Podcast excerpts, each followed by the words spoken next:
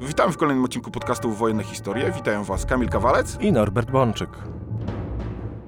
Druga wojna światowa była największym oraz najkrwawszym konfliktem w dziejach. Na bazie wielu lat własnych badań naukowych, wertowania tysięcy stron zarchiwizowanych meldunków wojskowych, wreszcie publikowania książek i artykułów, staramy się przybliżać szereg zagadnień związanych z tą okrutną wojną, a także obalać wiele mitów. Jeżeli podoba się Wam nasz podcast, możecie wesprzeć nas wpłatą w serwisie Patronate pod adresem patronate łamane na podcast Wojenne Historie. Albo kupić nam symboliczną kawę w serwisie Buy Coffee łamane na podcast Wojenne Historie. Norbert, chciałbym dzisiaj porozmawiać o troszkę nietypowym, może troszkę kontrowersyjnym temacie. Mianowicie, kiedy zaczynaliśmy II wojnę światową, ponad milion żołnierzy służyło w polskich mundurach. Mieliśmy ponad milionową armię. Natomiast klęska, którą ponieśliśmy w kampanii wrześniowej, sprawiła, że armia się rozpadła, natomiast Polacy nie przestali walczyć walczyli na wszystkich frontach II wojny światowej. Natomiast może być trochę zaskakującym faktem, że jakby drugim mundurem, w którym walczyło najwięcej Polaków, był mundur Wehrmachtu.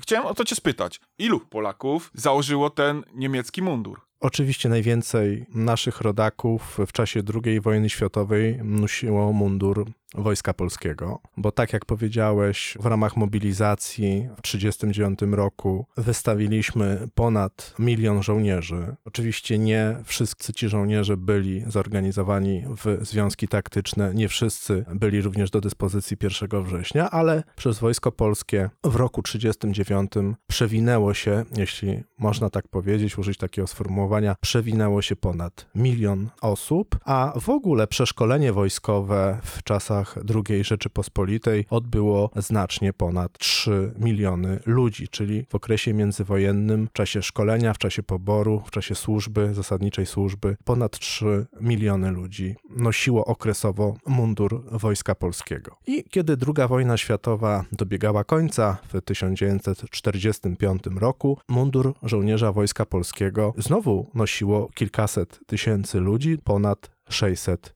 tysięcy, przy czym mniej więcej dwie trzecie z tego to byli żołnierze w ramach Armii Wojska Polskiego na wschodzie, a ponad 200 tysięcy to byli żołnierze polskich sił zbrojnych na zachodzie, czyli tych sił zbrojnych, które podlegały politycznie rządowi w Londynie, natomiast to Wojsko Polskie na wschodzie podlegało władzom komunistycznym w Warszawie. I ponad 600 tysięcy żołnierzy to dosyć dużo. Milion żołnierzy w 1939 roku, ponad 600 tysięcy w roku 1945. Przede wszystkim Polacy służyli w Wojsku Polskim ale nie tylko. Nie tylko, a najbardziej takim przez wiele lat kontrowersyjnym zagadnieniem była służba Polaków w Wehrmachcie, czyli w niemieckich siłach zbrojnych. Przy czym muszę ci powiedzieć, że w gruncie rzeczy można się spierać, czy jednak więcej Polaków w II wojnie światowej założyło mundur niemiecki, czy może jednak mundur Armii Czerwonej, dlatego że pobór dotyczył obu tych podstawowych okupantów naszego państwa, ale można by powiedzieć, że to jeszcze jest pytanie, jak zdefiniujemy narodowość polską, dlatego że z jednej strony dla Armii Czerwonej wszyscy mieszkańcy terenów wschodnich, wcielonych do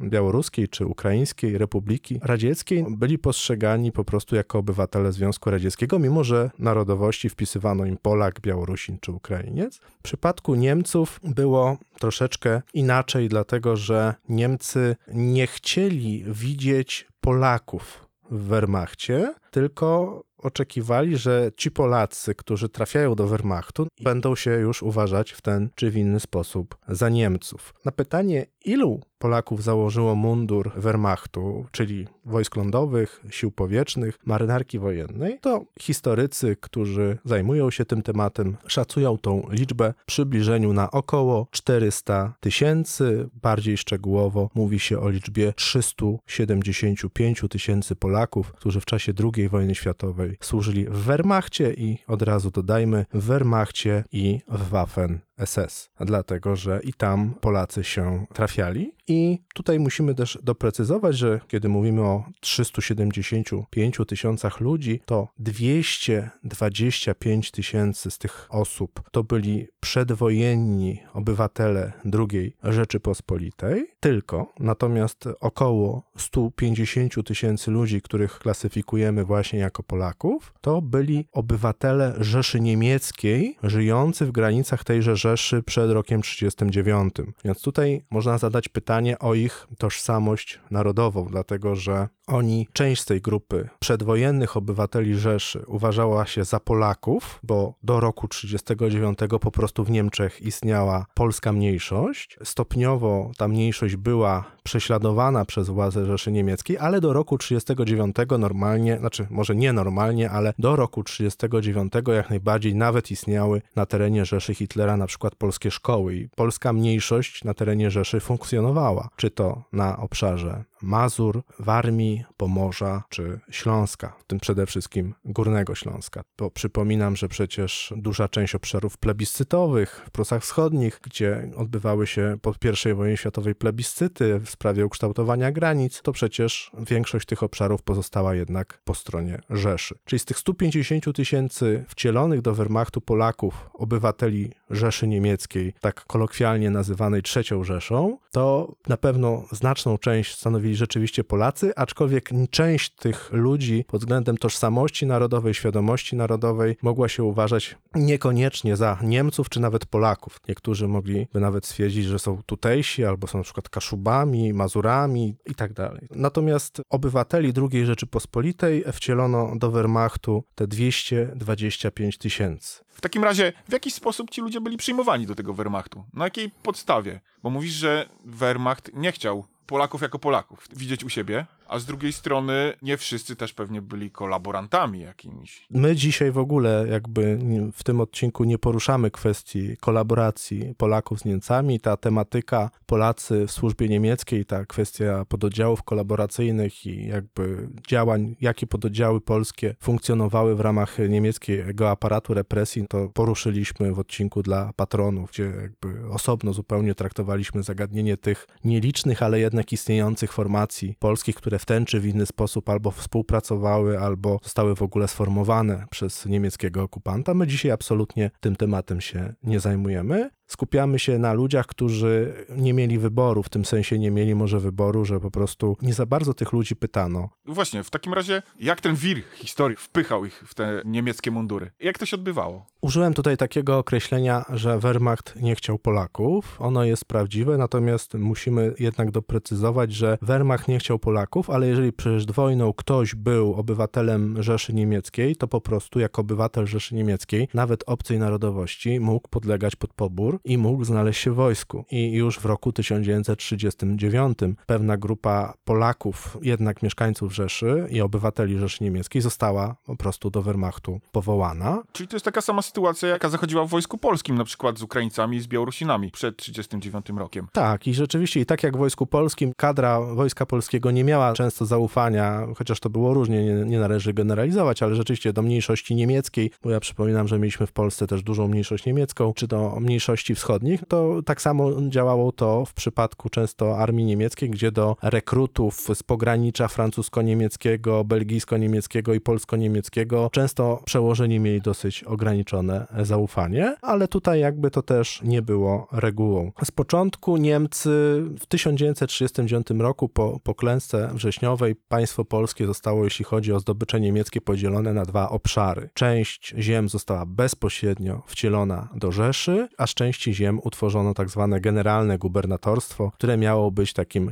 quasi państwem, gdzie Niemcy zamierzali stłoczyć Polaków. To pojęcie stłoczenia Polaków oznaczało nie mniej, nie więcej tylko to, że setki tysięcy ludzi z ziem bezpośrednio włączonych do Rzeszy, czyli z Pomorza, z Wielkopolski, z Kujaw, ze Śląska, ale także z północnego Mazowsza, a nawet z Łodzi, bo nawet miasto Łódź, które jako żywo znajduje się w samym centrum Polski, zostało włączone do Rzeszy, czyli po prostu prostu te obszary Niemcy włączyli do swojego państwa bezpośrednio i w roku na przykład 40 wysiedlili setki tysięcy Polaków do generalnego gubernatorstwa, to przerzut był dwojaki, bo też Niemcy zamieszkujące obszary teraz generalnego gubernatorstwa zostali wysiedleni na tereny włączone do Reichu. I rzecz charakterystyczna, Niemcy włączali do Rzeszy obszary, które nigdy albo od bardzo długiego okresu czasu nie przynależały do państwa niemieckiego, czyli mówimy tutaj o Łodzi czy na przykład całym północnym Mazowszu. Granica między GG a, a Rzeszą na przykład na północy opierała się nie tylko o linię Wisły, na przykład Modlin, gdzie znajduje się też ujście Narwi, został włączony do Rzeszy. W Puszczy Kampinoskiej przebiegała granica. Mieszkańcy Płocka, Półtuska, Ciechanowa nagle znaleźli się w granicach państwa niemieckiego, mimo że przed I wojną światową były to obszary należące do carstwa rosyjskiego, a niemiecka administracja ostatni raz na tym obszarze to funkcjonowała w 1806 roku w czasie wojen napoleońskich, w związku z czym to pokazuje no jakby skalę tych zaborów niemieckich. Część ludzi została wysiedlona, a część Polaków na tych ziemiach wcielonych do Rzeszy pozostała. Ale czy w ramach tych wielkich zmian granic wszyscy Polacy, którzy zostali na tych ziemiach niemieckich, zostali wysiedleni, czy na szczęście Niemcy nie dali rady tam wszystkich wysiedlić? Nie, oczywiście nie. Wysiedlenie obejmowała część ludności. Część ludności polskiej na tych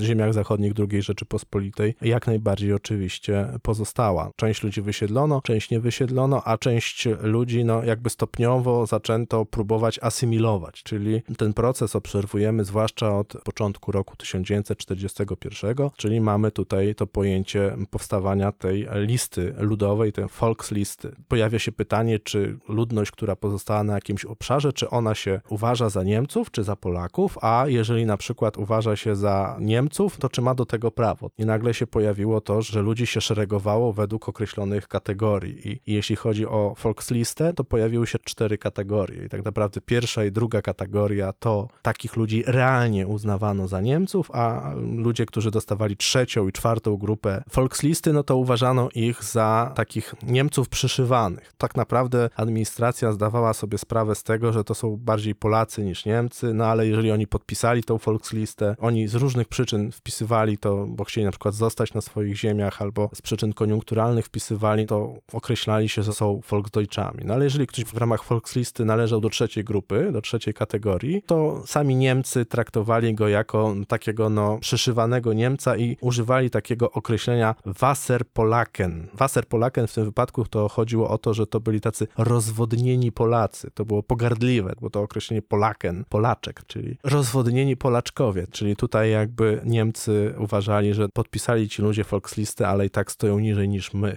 tej hierarchii rasy panów. Na czym polegały, tak najbardziej ogólnie jak się da powiedzieć o tym, na czym polegały różnice między tymi grupami w folkliście? Czy to chodziło o przodków, czy tu były inne kryteria? Tak, oczywiście. Tutaj jakby kwestia przodków była bardzo ważna. Tak, jeżeli ktoś potrafił udowodnić, że ma pochodzenie niemieckie, Reichsdeutschem nie zostawał od razu i z automatu, natomiast chodziło tu o kwestię na przykład uzyskania obywatelstwa, czyli na przykład właśnie pierwsza, druga grupa, no to gwarantowały uzyskanie obywatelstwa. W trzeciej grupie, nie mówiąc już o czwartej, to już tak nie było. Byłeś takim Volksdeutschem na dorobku, znaczy musiałeś udowodnić, że jesteś godny bycia Niemcem. No bo powiem w ten sposób, były dwa etapy niemieckiego podejścia do Volksdeutsche, czy inaczej, może nawet do ludzi, którzy, których tak klasyfikowano. Bo często bywało tak, że można było nawet zostać niemalże Volksdeutschem, nie chcąc zostać tym Volksdeutschem. Bo czasami bywało tak, że na przykład, nie wiem, głowa rodziny całą rodzinę wpisała na Volkslistę, a nie pytając specjalnie o, o zdanie, a niemiecki urzędnik, to w zależności od tego, czy był dociekliwy, czy nie, albo czy było mu to potrzebne, czy nie, no to mógł to zaakceptować albo nie. Znaczy to jest bardzo złożone i wielowątkowe zagadnienie tak naprawdę. I oczywiście po II wojnie światowej budziło ono spore kontrowersje. Natomiast tutaj nawet powiem tak, można było pozostać na, na ziemiach wcielonych do Rzeszy i w ogóle nie podpisać Volkslisty i nie zostać wcielonym do żadnej kategorii Volksdeutsch. Więc jak najbardziej nawet ludność polska, która nigdy Volkslisty nie podpisała, potrafiła uchować się na ziemiach włączonych do Rzeszy, ale podkreślmy to w sposób wyraźnie, to byli ludzie nawet drugiej czy trzeciej kategorii. I tak byli postrzegani, to przecież kwestia dostępu do edukacji, dostępu do pracy, kwestia dostępu do żywności, opału, etc.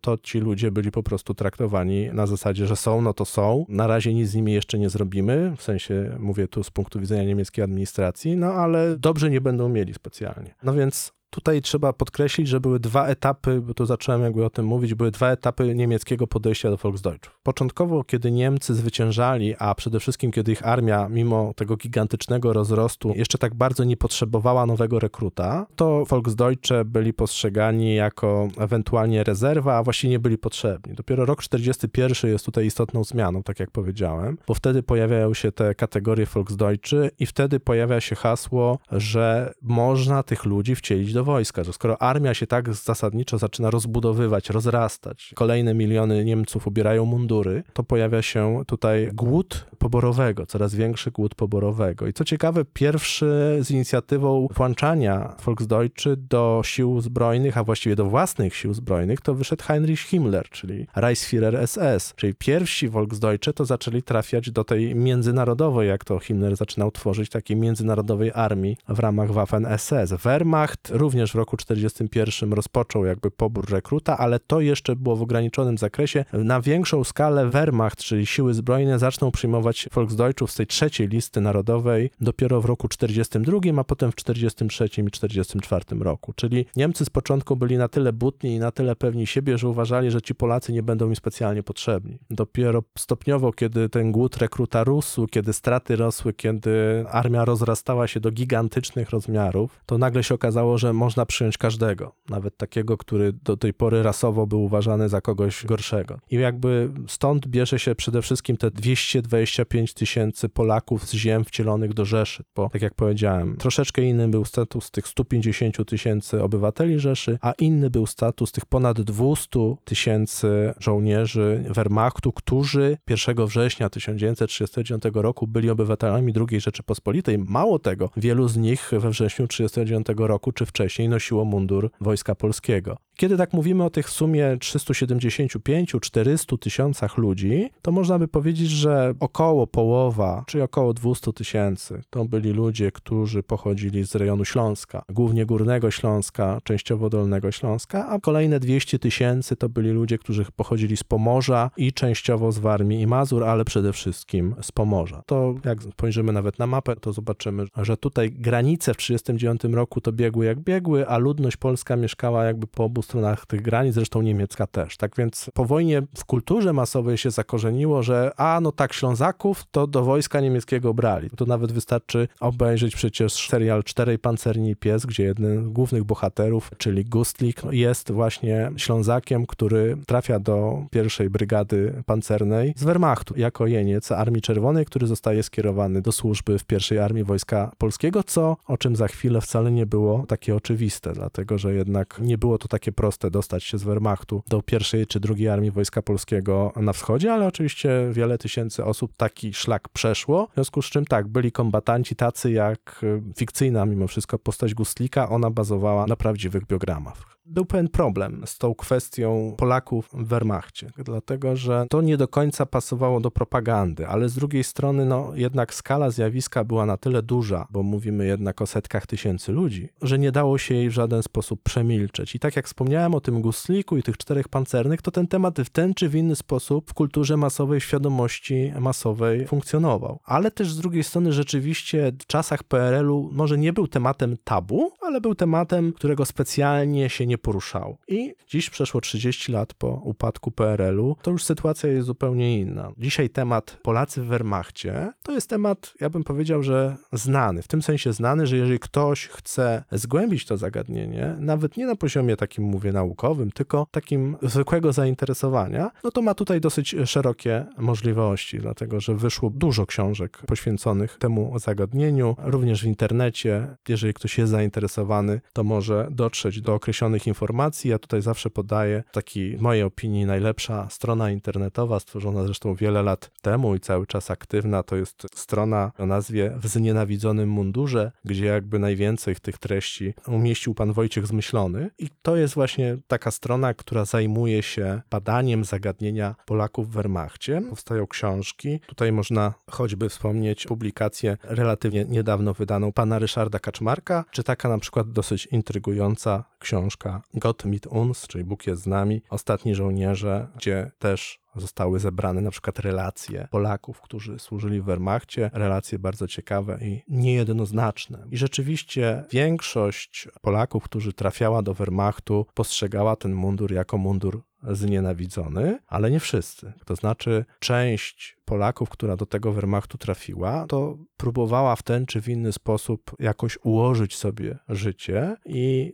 nie każdy jest bohaterem, nie każdy musi być bohaterem. Natomiast często jest tak, że po prostu był pobór, brano człowieka, on ten mundur ubierał i służył. Ani się nie, jakoś specjalnie nie wychylał, ale też jakoś dezerterem nie był, więc to było bardzo różnie, ale jak najbardziej tak, większość Polaków tego znienawidzonego munduru nosić nie chciała. To był pobór przymusowy i to najlepiej pokazują statystyki, no bo jeżeli spojrzymy na statystykę dezercji Polaków z Wehrmachtu, zwłaszcza na froncie zachodnim, froncie południowym w latach 44-45, to ta skala dezercji z Wehrmachtu była ogromna. To znaczy było wiadomo, że niemieccy oficerowie, niemiecka kadra musiała mieć świadomość tego w roku 44, że Polak wcielony do Wehrmachtu, walczący na froncie zachodnim jest potencjalnym dezerterem. Nie było zaufania do tych ludzi, bo oni po prostu nie chcieli walczyć. Natomiast nie było tej oczywistości na froncie wschodnim, a często bywało tak, że po prostu Polaków wysyłano gdzieś daleko, gdzie za bardzo nawet dezerterować nie mogli, no nie wiem, na służbę, na przykład w Bergen, w Norwegii i tak dalej, gdzie to i tak był problem z nimi, bo oni się asymilowali z ludnością miejscową, czy z norweską, czy z duńską, holenderską, no francuską to już oczywiście. To jest bardzo charakterystyczne. Gdzie nie czytasz polskich wspomnień czy relacji z, ze służby w Wehrmachcie, to jakąś przeciwwagą dla tych Niemców, gdzie żyjesz w środowisku niemieckim, w sensie, że w armii niemieckiej musisz funkcjonować, ale szukasz jakiejś przeciwwagi, szukasz ludzi innej narodowości, innej orientacji politycznej, innego społeczeństwa. I ci Polacy w Wehrmachcie starają się jak najbardziej żyć dobrze z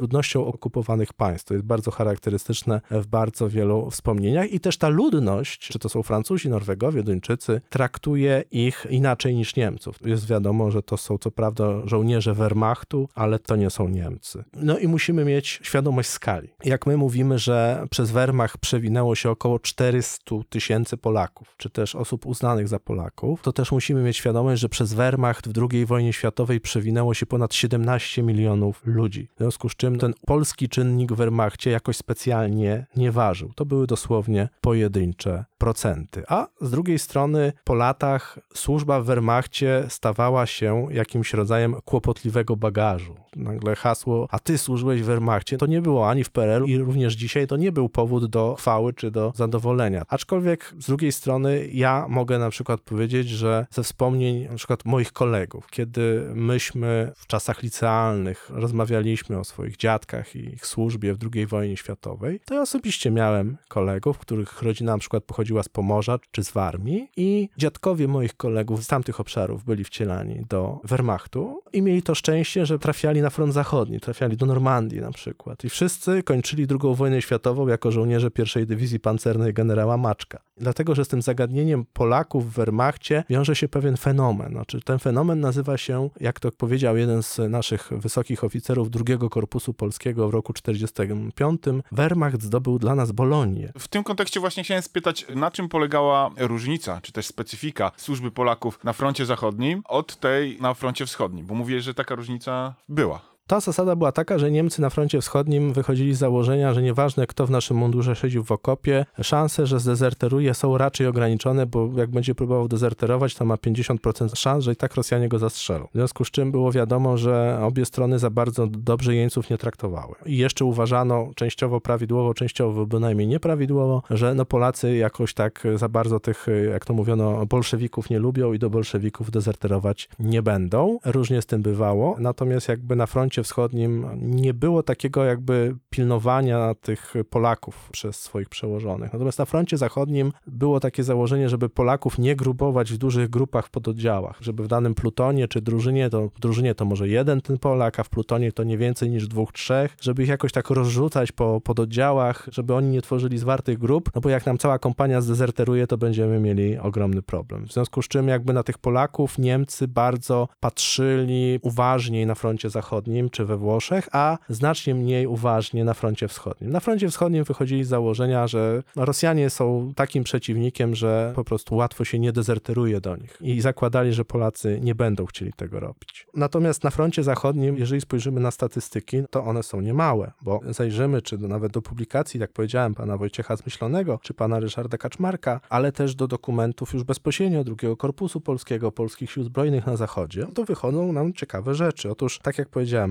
Wojsko Polskie wierne rządowi w Londynie kończyło II wojnę światową, mając przeszło 200 tysięcy żołnierzy. I pośród tych 200 tysięcy żołnierzy Polskich Sił Zbrojnych na Zachodzie, najliczniejsi to byli byli żołnierze Wehrmachtu. Co trzeci polski żołnierz, który nosił mundur Polskich Sił Zbrojnych na Zachodzie wiosną 1945 roku, wcześniej przeszedł epizod Wehrmachtu, dlatego że mówimy dokładnie o 35% żołnierzy. To jest dokładnie 89 631 osób, które pozytywnie zweryfikowano i pozwolono im założyć mundur Wojska Polskiego, wcześniej biorąc ich do niewoli jako żołnierza Wehrmachtu. Przy czym duża część tych ludzi po prostu uciekła, zdezerterowała. Znaczy zdezerterowała do wojsk alianckich. W roku 1944 istniały już specjalne okulniki, mówiące o tym, że jak Niemcy dezerterują, to nie strzelajcie do nich, czy sprawdźcie, kto to w ogóle najpierw dezerteruje. Bo to może się okazać, że to wcale nie jest żaden Niemiec, który się chce poddać, tylko na przykład Polak, a może to jakiś Czech, albo jeszcze nie wiadomo kto. Dlatego, że no przecież kiedy wojska alianckie wylądowały w Normandii, to spotkały od razu pierwszego dnia walk już tam Rosjan, Gruzinów, Kozaków i tak dalej. A jeśli chodzi o Włochy, to przecież mieliśmy nawet o tym odcinek Kampania Narodu, gdzie we Włoszech można było spotkać w niemieckim mundurze wiele narodowości, łącznie z całą dywizją złożoną z y, Turkmenów. To pokazuje skalę tego zjawiska. 89 tysięcy żołnierzy Wojska Polskiego w PSZ-ach to są byli żołnierze Wehrmachtu. Dla przypomnienia, tych, których Anders wyprowadzał ze Związku Radzieckiego i którzy dożyli końca wojny, to było 83 tysiące, czyli było ich mniej. Czyli tych ludzi, którzy wyszli tą drogą śmierci przez Związek Radziecki, Iran, Palestynę i tak dalej, to ich zostało 83 tysiące jako żołnierzy, no bo też ludność cywilna wychodziła, o tym nie zapominajmy, ale ich zostało 83 tysiące w 1945 roku, a tych byłych żołnierzy niemieckich 89 tysięcy. I jeszcze polskie siły zbrojne zasilały się na przykład wyzwolonymi przymusowymi robotnikami, czyli Polakami, których wywieziono na roboty do Niemiec. To też było ponad 20 tysięcy ludzi. W związku z czym naprawdę wojsko polskie rosło w siłę, odtwarzało się w 1944-1945 roku na zachodzie, przede wszystkim właśnie jeńcem niemieckim. A na czym polegała ta weryfikacja, o której mówiłeś, że dochodziło do pewnego procesu weryfikacyjnego tych jeńców? Wiesz, ten proces weryfikacyjny to był taki troszeczkę,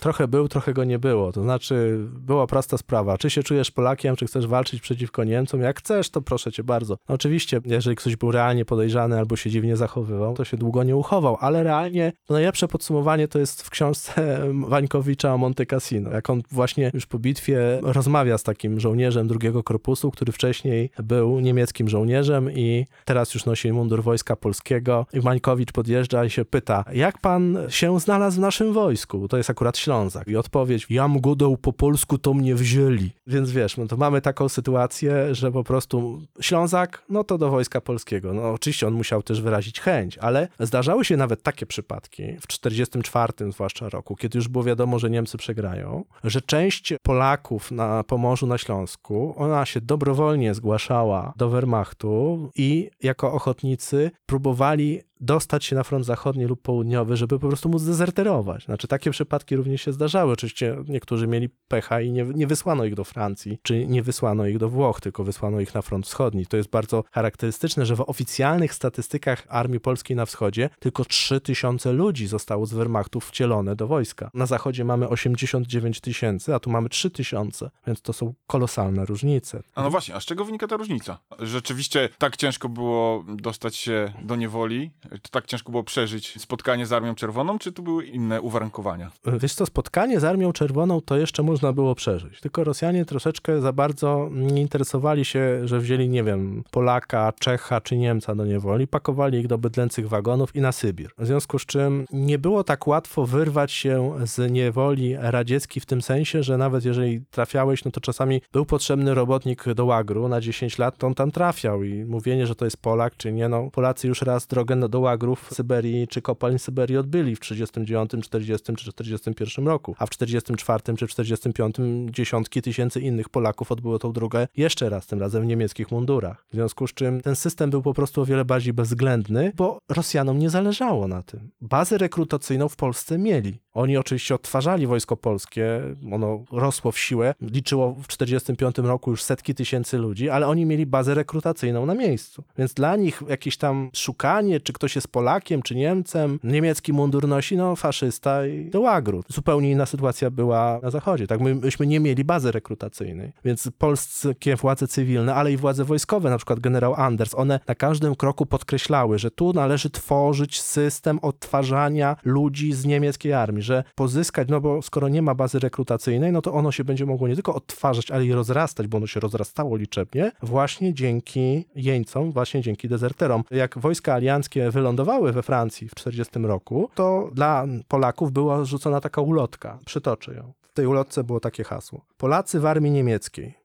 Przemoc wciągnęła was w szeregi śmiertelnych wrogów Polski, po katowsku znęcających się nad naszym narodem. Przemoc narzuciła wam mundur niemiecki. Każą wam bić się z oswobodzicielskimi armiami wolnych narodów, szturmujących zachodni wał tzw. Tak fortecy Europy. Wraz z Amerykanami, Brytyjczykami, Kanadyjczykami, Francuzami walczą tam nasze, polskie siły zbrojne. Wielu z was otrzymało już wskazówki, czego od was oczekuje Polska. Rząd Rzeczypospolitej rozkazuje wam nie strzelać do waszych braci, żołnierzy wojsk sprzymierzonych. Gdy musicie strzelać, chybiać celu. Przy pierwszej okazji przechodzić do wojsk sprzymierzonych lub chować się, by doczekać się ich nadejścia. Rzetelnie informować sprzymierzonych, gdy wejdziecie z nimi w styczność. Z chwilą znalezienia się po stronie sprzymierzonych meldować, żeście Polacy. Prosić o oddzielenie od jeńców niemieckich i zetknięcie z władzami wojskowymi polskimi. Oczekują na was bracia wasi, walczący obok naszych sprzymierzeńców o wyzwolenie. Niech żyje Polska treść ulotki. To też jest bardzo ważne, co pada w tej ulotce, że prosić o oddzielenie od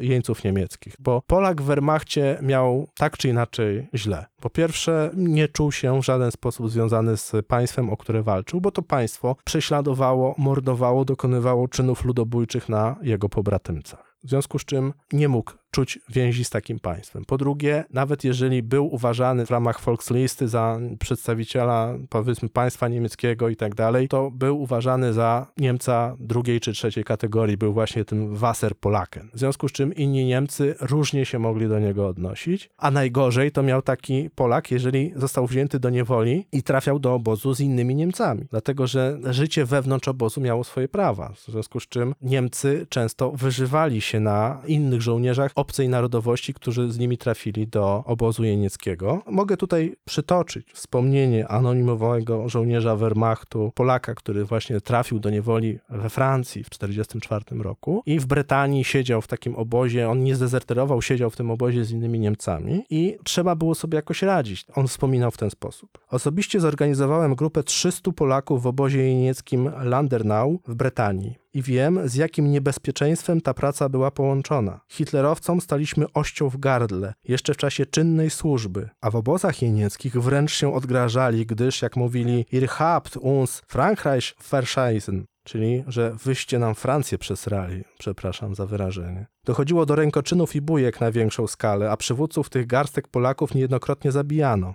Amerykanie sprawujący dozór uznawali zasadę nieinterwencji i nie mieszania się w sprawy wewnątrzobozowe. Również członkowie ruchu oporu, którzy przejęli opiekę nad obozem, nie interweniowali w takich wypadkach, także grupy Polaków, wobec zastraszenia ze strony większości, jaką byli Niemcy, Włosi, Łasowcy, były zmuszone trzymać się razem, gdyż pójście gdzieś w pojedynkę czy nawet w kilku było równoznaczne z pobiciem, a nawet zabiciem. Innymi słowy, dezercja na polu walki zawsze wiąże się z ryzykiem, bo mogą cię zastrzelić ci, od których dezerterujesz i ci, do których idziesz. A potem nawet w obozie jenieckim jesteś jeńcem drugiej czy trzeciej kategorii. Był swego czasu taki znany serial Kompania Braci. To nawet w tym amerykańskim serialu, który skupia się na przeżyciach amerykańskich spadochroniarzy, to nawet tam pojawia się wątek Polaków w Wehrmachcie, którzy się poddają. Oraz scena z Holandii, czy Polak mógł być Waffen-SS. Że tam jest pada takie hasło, kłamiesz, nie jesteś Polakiem, Polaków nie ma Waffen-SS. SS. No właśnie, i o to chciałem spytać, bo wspomniałeś na samym początku, że Polacy w niemieckich mundurach to nie tylko Wehrmacht, ale też Waffen-SS, bo funkcjonuje taki mit, że wszyscy żołnierze Waffen-SS to byli ochotnicy. To nie jest prawda. A jak Polacy trafiali do tej formacji? Znaczy, Polacy trafiali do Waffen-SS tak samo jak wszyscy inni. To znaczy, większość żołnierzy Waffen-SS II wojnie światowej była żołnierzami z poboru. I często nikt ich nie pytał. Oczywiście ochotnicy byli również, no nie mówię teraz akurat o Polakach, chociaż takie przypadki również się To oczywiście mówimy to o ludziach, którzy mieli Volkslistę i tak dalej, no bo Polak z Warszawy czy Polak z Radomia to raczej miałby już utrudnioną możliwość tak po prostu wstąpienia do Waffen-SS. Natomiast Waffen-SS w czasie II wojny światowej się przekształcało i zmieniało. Z początku to była elitarna i ochotnicza służba, ale stopniowo ona się przekształciła po prostu z zwykłego molocha wojskowego, gdzie służyły setki tysięcy ludzi i Waffen-SS zupełnie skleiło się z Wehrmachtem w tym sensie, że po prostu często było tak, że jak jakaś dywizja Waffen-SS ponosiła duże straty, to dostawała uzupełnienia z Wehrmachtu i to często marynarzami albo lotnikami. Czyli na przykład mogłeś wstąpić do Wehrmachtu albo cię wcielili do Wehrmachtu i służyłeś 3 lata, dajmy na to, jako saper lotniskowy w jednostce budowlanej Luftwaffe, a kończyłeś wojnę jako żołnierz Waffen-SS dywizji na przykład Wiking albo Totenkopf. Pamiętasz tą aferę sprzed paru lat, że Ginter Grass, wybitny niemiecki pisarz, służył w 10 Dywizji Pancernej SS pod koniec II wojny światowej. No służył w 10 Dywizji Pancernej SS, nikt go nie pytał, czy on tej dywizji chce służyć, czy nie, po prostu go tam wsadzili i już, tak jak dziesiątki tysięcy innych Niemców. A w przypadku Polaków wcielonych do Wehrmachtu było bardzo podobnie. Po prostu czasem miałeś pecha i trafiałeś w ramach rekrutacji nie do Wehrmachtu, tylko do Waffen-SS, albo czasami trafiałeś najpierw do Wehrmachtu, a potem sam Wehrmacht transferował cię do Waffen-SS. Innymi słowy, decydował o tym przypadek, że pewna określona grupa Polaków, statystycznie trudna do ujęcia, trafiła do Waffen-SS. No wiadomo, że mówimy o szeregowcach z poboru, ale zdarzały się, muszę ci powiedzieć, czasami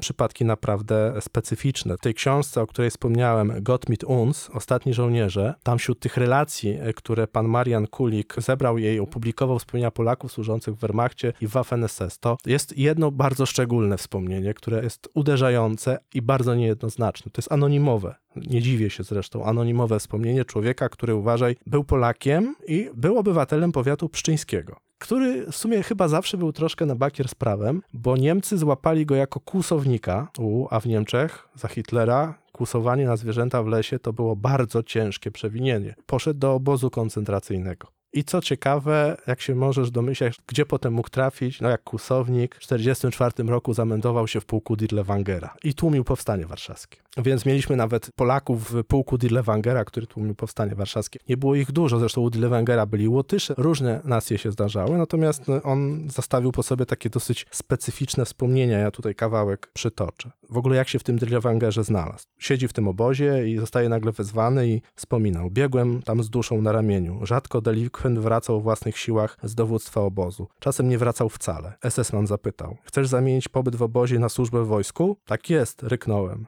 pobyt w obozie chciałem zamienić na wszystko. No i potem wspomina swoje wejście do Warszawy, że przemieszczając się przez dzielnice, z których już zostali wyparci powstańcy, obserwowałem, co wojna robi z miastem. Całe kwartały były wypalone lub zburzone, tylko środkiem biegł wolny od gruzu szlak. Polacy mieli przewagę nad nami, szybko i sprawnie zmieniając swoje stanowiska, ale z kolei byli bezradni wobec naszej przewagi ogniowej, która potrafiła każdą umocnioną pozycję wroga zamienić w hałdę gruzu. I jeszcze tutaj fragment tych wspomnień. Kilkanaście dni po posuwaliśmy się naprzód bez większych strat, likwidując kolejne punkty oporu. Powstańcy mieli dobrze przygotowane pozycje i kąsali nas jak osy ze swoich dziupli, zadając nam niemałe straty. Pod koniec dnia ziemia była zasłana trupami i rannymi. Od strony powstańców ukazała się biała flaga. Przez jakąś godzinę obydwie strony zbierały swoich zabitych i rannych, udzielając sobie nawet wzajemnie pomocy. Do naszych stanowisk przyniesiono chłopca, któremu nasz lekarz zoperował ślepą kiszkę. Powiem ci, że jak czyta się takie wspomnienie, to to nie jest wspomnienie Polaka. Dlatego, że tym konkretny przypadek to był człowiek, który po wojnie trafił do więzienia właśnie za służbę w SS. Jak wyszedł z tego więzienia, to w latach 70. wyemigrował do RFN-u. I zresztą, jak się czyta to wspomnienie, sposób narracji tego wspomnienia, to jest to niemieckie wspomnienia. Polacy to nie jesteśmy my, tylko oni. I to też jest bardzo charakterystyczne. Czyli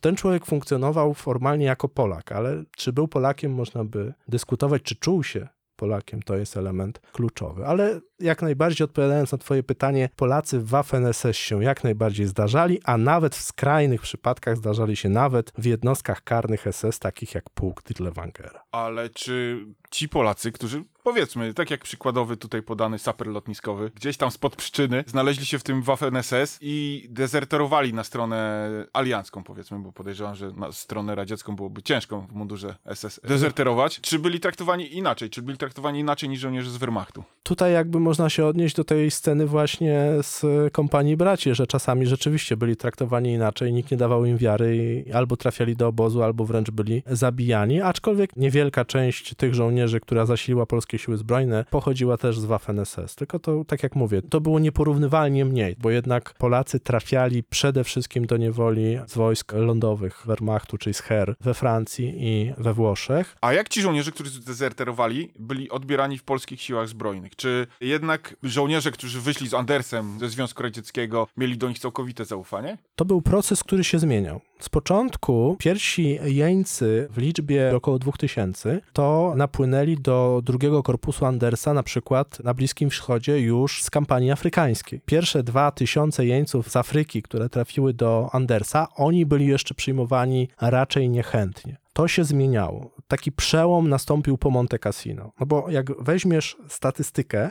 to w drugim korpusie polskim do bitwy o Monte Cassino było tylko jakieś 2,5 tysiąca właśnie Polaków, żołnierzy drugiego korpusu, którzy wcześniej służyli w Wehrmachcie i oni byli traktowani wówczas jeszcze raczej nieufnie. Ale na przykład do końca 1944 roku do tego drugiego korpusu przyszło już 14 tysięcy takich Polaków, a do końca wojny kolejne 18,5 tysiąca. I tak jak powiedziałem, jak Wehrmacht tam Bolonię zdobywał, znaczy wtedy już zaufanie do tego żołnierza było duże. To znaczy, po pierwsze było go mnóstwo i to był już ekwiwalent całej dywizji. Całe bataliony były formowane z tych żołnierzy. Po drugie, jak można było nie mieć do nich zaufania? No na drugą stronę oni, dezerterzy Wehrmachtu, mieli uciec jeszcze raz i to jeszcze do przeciwnika, który przegrywał na wszystkich frontach i który, nie wiem, no racje żywnościowe miał pięć razy mniejsze i tak dalej, no to uciekać na przegraną sprawę. Oczywiście zawsze zdarzały się jakieś pojedyncze przypadki, ale tak naprawdę nie. No, pod koniec 1944 roku zaufanie już było bardzo duże. No, pierwsza dywizja pancerna generała Maczka, to ona była też w dużej mierze obsadzona byłymi żołnierzami Wehrmachtu. Mało tego, tych żołnierzy ceniono. Dlaczego ich ceniono? No bo oni znali taktykę walki przeciwnika. Wiedzieli mniej więcej, jak będzie myślał na niższym szczeblu niemiecki dowódca taktyczny. No byli bardzo cenni żołnierze. Byli, więc jak najbardziej w drugiej połowie 1944 roku ten stosunek się zmienił i to już był, że tak powiem, normalny żołnierz Wojska Polskiego. Był tylko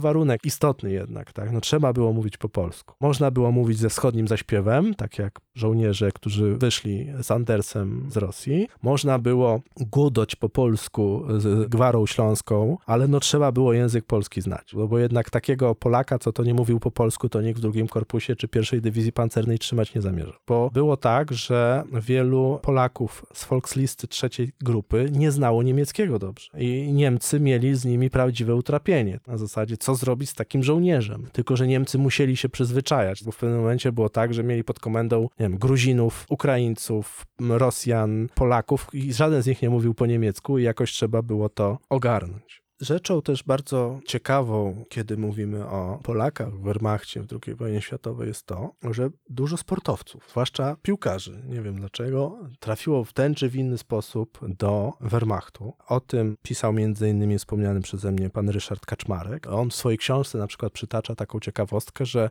właściwie połowa chyba naszej kadry narodowej, która grała tam na tych wszystkich mistrzostwach Europy, świata w latach 30., to w czasie II wojny światowej wylądowała w Wehrmachcie. I też przyszli nasi piłkarze, sławni piłkarze, zwłaszcza klubów śląskich, mieli ten epizod w Wehrmachcie, łącznie z tak sławną kiedyś postacią jak Gerard Cieślik. I Gerard Cieślik jako 18-latek też wylądował w Wehrmachcie, czyli wzięli go z tego Śląska i do tego Wehrmachtu wcielili. Z początku miał nieźle, dlatego że trafił do Danii i tak jak powiedziałem, zaczął się fraternizować z miejscową ludnością, na co jego przełożony niemiecki patrzył dosyć krzywo, ale wiosną 45 roku, kiedy Rzesza się już waliła, to skierowali go na front pod Berlin, w związku z czym trafił jakby na front wschodni i tu zresztą on nie krył się z tym, on w swoich wspomnieniach pisał o tym i można tutaj przytoczyć, jak wówczas 18-letni przyszły piłkarz Gerard Cieślik wspominał swoje ostatnie chwile w Wehrmachcie wiosną 45 roku. Tutaj cytat. Staliśmy w okopach po kolana w wodzie. Jeśli ktoś przysnął, a pojawiła się kontrola, kula w łeb. Nie to jednak było najgorsze. Najgorsze były sowieckie katiusze. Jak Ruscy walili, to w trzy minuty człowiek był w stanie gołymi rękami głęboką dziurę w ziemi wykopać. Obojętnie jak mocno była zamarznięta. Bo na froncie nie karabin jest najważniejszy, a łopata, żeby można było dzięki niej zbudować sobie szybko schron. Wtedy człowiek o niczym innym nie myśli, tylko o tym jak przeżyć. My dostaliśmy się do takiego kotła, że jak rano stanęliśmy do walki z Amerykanami, to wieczorem wokół siebie mieliśmy już Rosjan. Tak się front szybko zmieniał. Nie umiałem pływać, ale zrobiliśmy taką tratwę z opon i przedostaliśmy się jednej nocy przez rzekę Elbę, czyli Łabę, do terenów, na których stacjonowały wojska amerykańskie. Nic z tego wszystkiego jednak nie wyszło, bo rano Amerykanie przekazali nas wszystkich z powrotem Rosjanom. I w ten sposób Gerard Cieślik, wówczas żołnierz Wehrmachtu, 18-letni, trafił do niewoli w Armii Czerwonej. Jak sam zresztą wspominał, przypadek i znajomość z jednym człowiekiem sprawiła, że razem z innymi swoimi kolegami nie pojechał na Syberię, tylko został wyciągnięty jakby z tych jeńców i przekierowany do jeńców, którzy trafili do Polski i już jesienią 45 roku znowu był pełnoprawnym polskim obywatelem. Niektórzy jego koledzy ze Śląska tyle szczęścia nie mieli. Szacuje się, że nosząc mundur Wehrmachtu zginęło co najmniej 50 tysięcy Polaków, a drugie tyle zostało ciężko rannych. Straty bezpowrotne według niektórych szacunków, bo tutaj tych danych tak dokładnych nie mamy, to między 60 a 80 tysięcy bezpowrotnych strat Polaków służących w Wehrmachcie i w jakimś niewielkim zakresie też w Waffen SS. I kiedy czytamy wspomnienia, kiedy nawet odnosimy się do zagadnienia, to ci Polacy w Wehrmachcie pojawiają nam się w różnych miejscach. Ja wspomniałem, że niektórzy moi koledzy mieli właśnie dosłownie dziadków w Wehrmachcie, tylko że oni mieli szczęście i mogli zdezerterować i kończyli wszyscy służbę u Maczka. Inni mieli mniej szczęścia, na przykład wspomnienie mojej babci. Moja babcia całą okupację przeżyła w Warszawie, w dzielnicy praskiej i we wrześniu 1944 roku do kamienicy, gdzie właśnie mieszkała moja babcia, przybyły pododdziały 19 Dywizji Pancernej i żołnierze 19 Dywizji Pancernej Wojsk Lądowych Wehrmachtu rozłożyli się na podwórzu kamienicy, gdzie mieszkała moja babcia na Pradze w Warszawie właśnie we wrześniu 1944 roku i z opowieści mojej babci to bardzo jest charakterystyczne, że jak tylko niemiecki oficer, czy też w tym wypadku sierżant odchodził, to ci młodzi żołnierze dywizji od razu przechodzili na język polski. Wszyscy rozmawiali po polsku i nie mieli żadnego problemu, żeby wejść w, w rozmowę z Polakami, nawet dzielili się nimi chlebem i tak dalej. To były niestety dosyć gwałtowne walki. Część tych młodych, prawdopodobnie Polaków, zginęła w rejonie tej kamienicy, kiedy Rosjanie obłożyli ich ogniem moździerzowym. No to też jest pewnym takim wspomnieniem właśnie o pojęciu Polaków albo, bo to też wyraźnie podkreślmy, albo Niemców, którzy znali język polski, bo to już jakby inny temat, który zasługuje na osobną historię. No ale myślę, że to jest jednak idealna puenta tego dzisiejszego odcinka. Także Norbert, dziękuję Ci ślicznie i do usłyszenia. Dziękuję bardzo. Dziękujemy za to, że byliście dzisiaj z nami. Czekamy na uwagi o tym odcinku zarówno na Facebooku, jak i na Instagramie, jak też i na YouTubie. Wszędzie tam możecie nas znaleźć, wpisując naszą nazwę, czyli Podcast Wojenne Historie. Dziękujemy Wam bardzo również za wsparcie, jakiego udzielacie nam w serwisie Patronate. To dla nas niesamowita sprawa i daje nam to niezwykłego kopa do dalszego działania. Bardzo za to dziękujemy i do usłyszenia do następnego odcinka.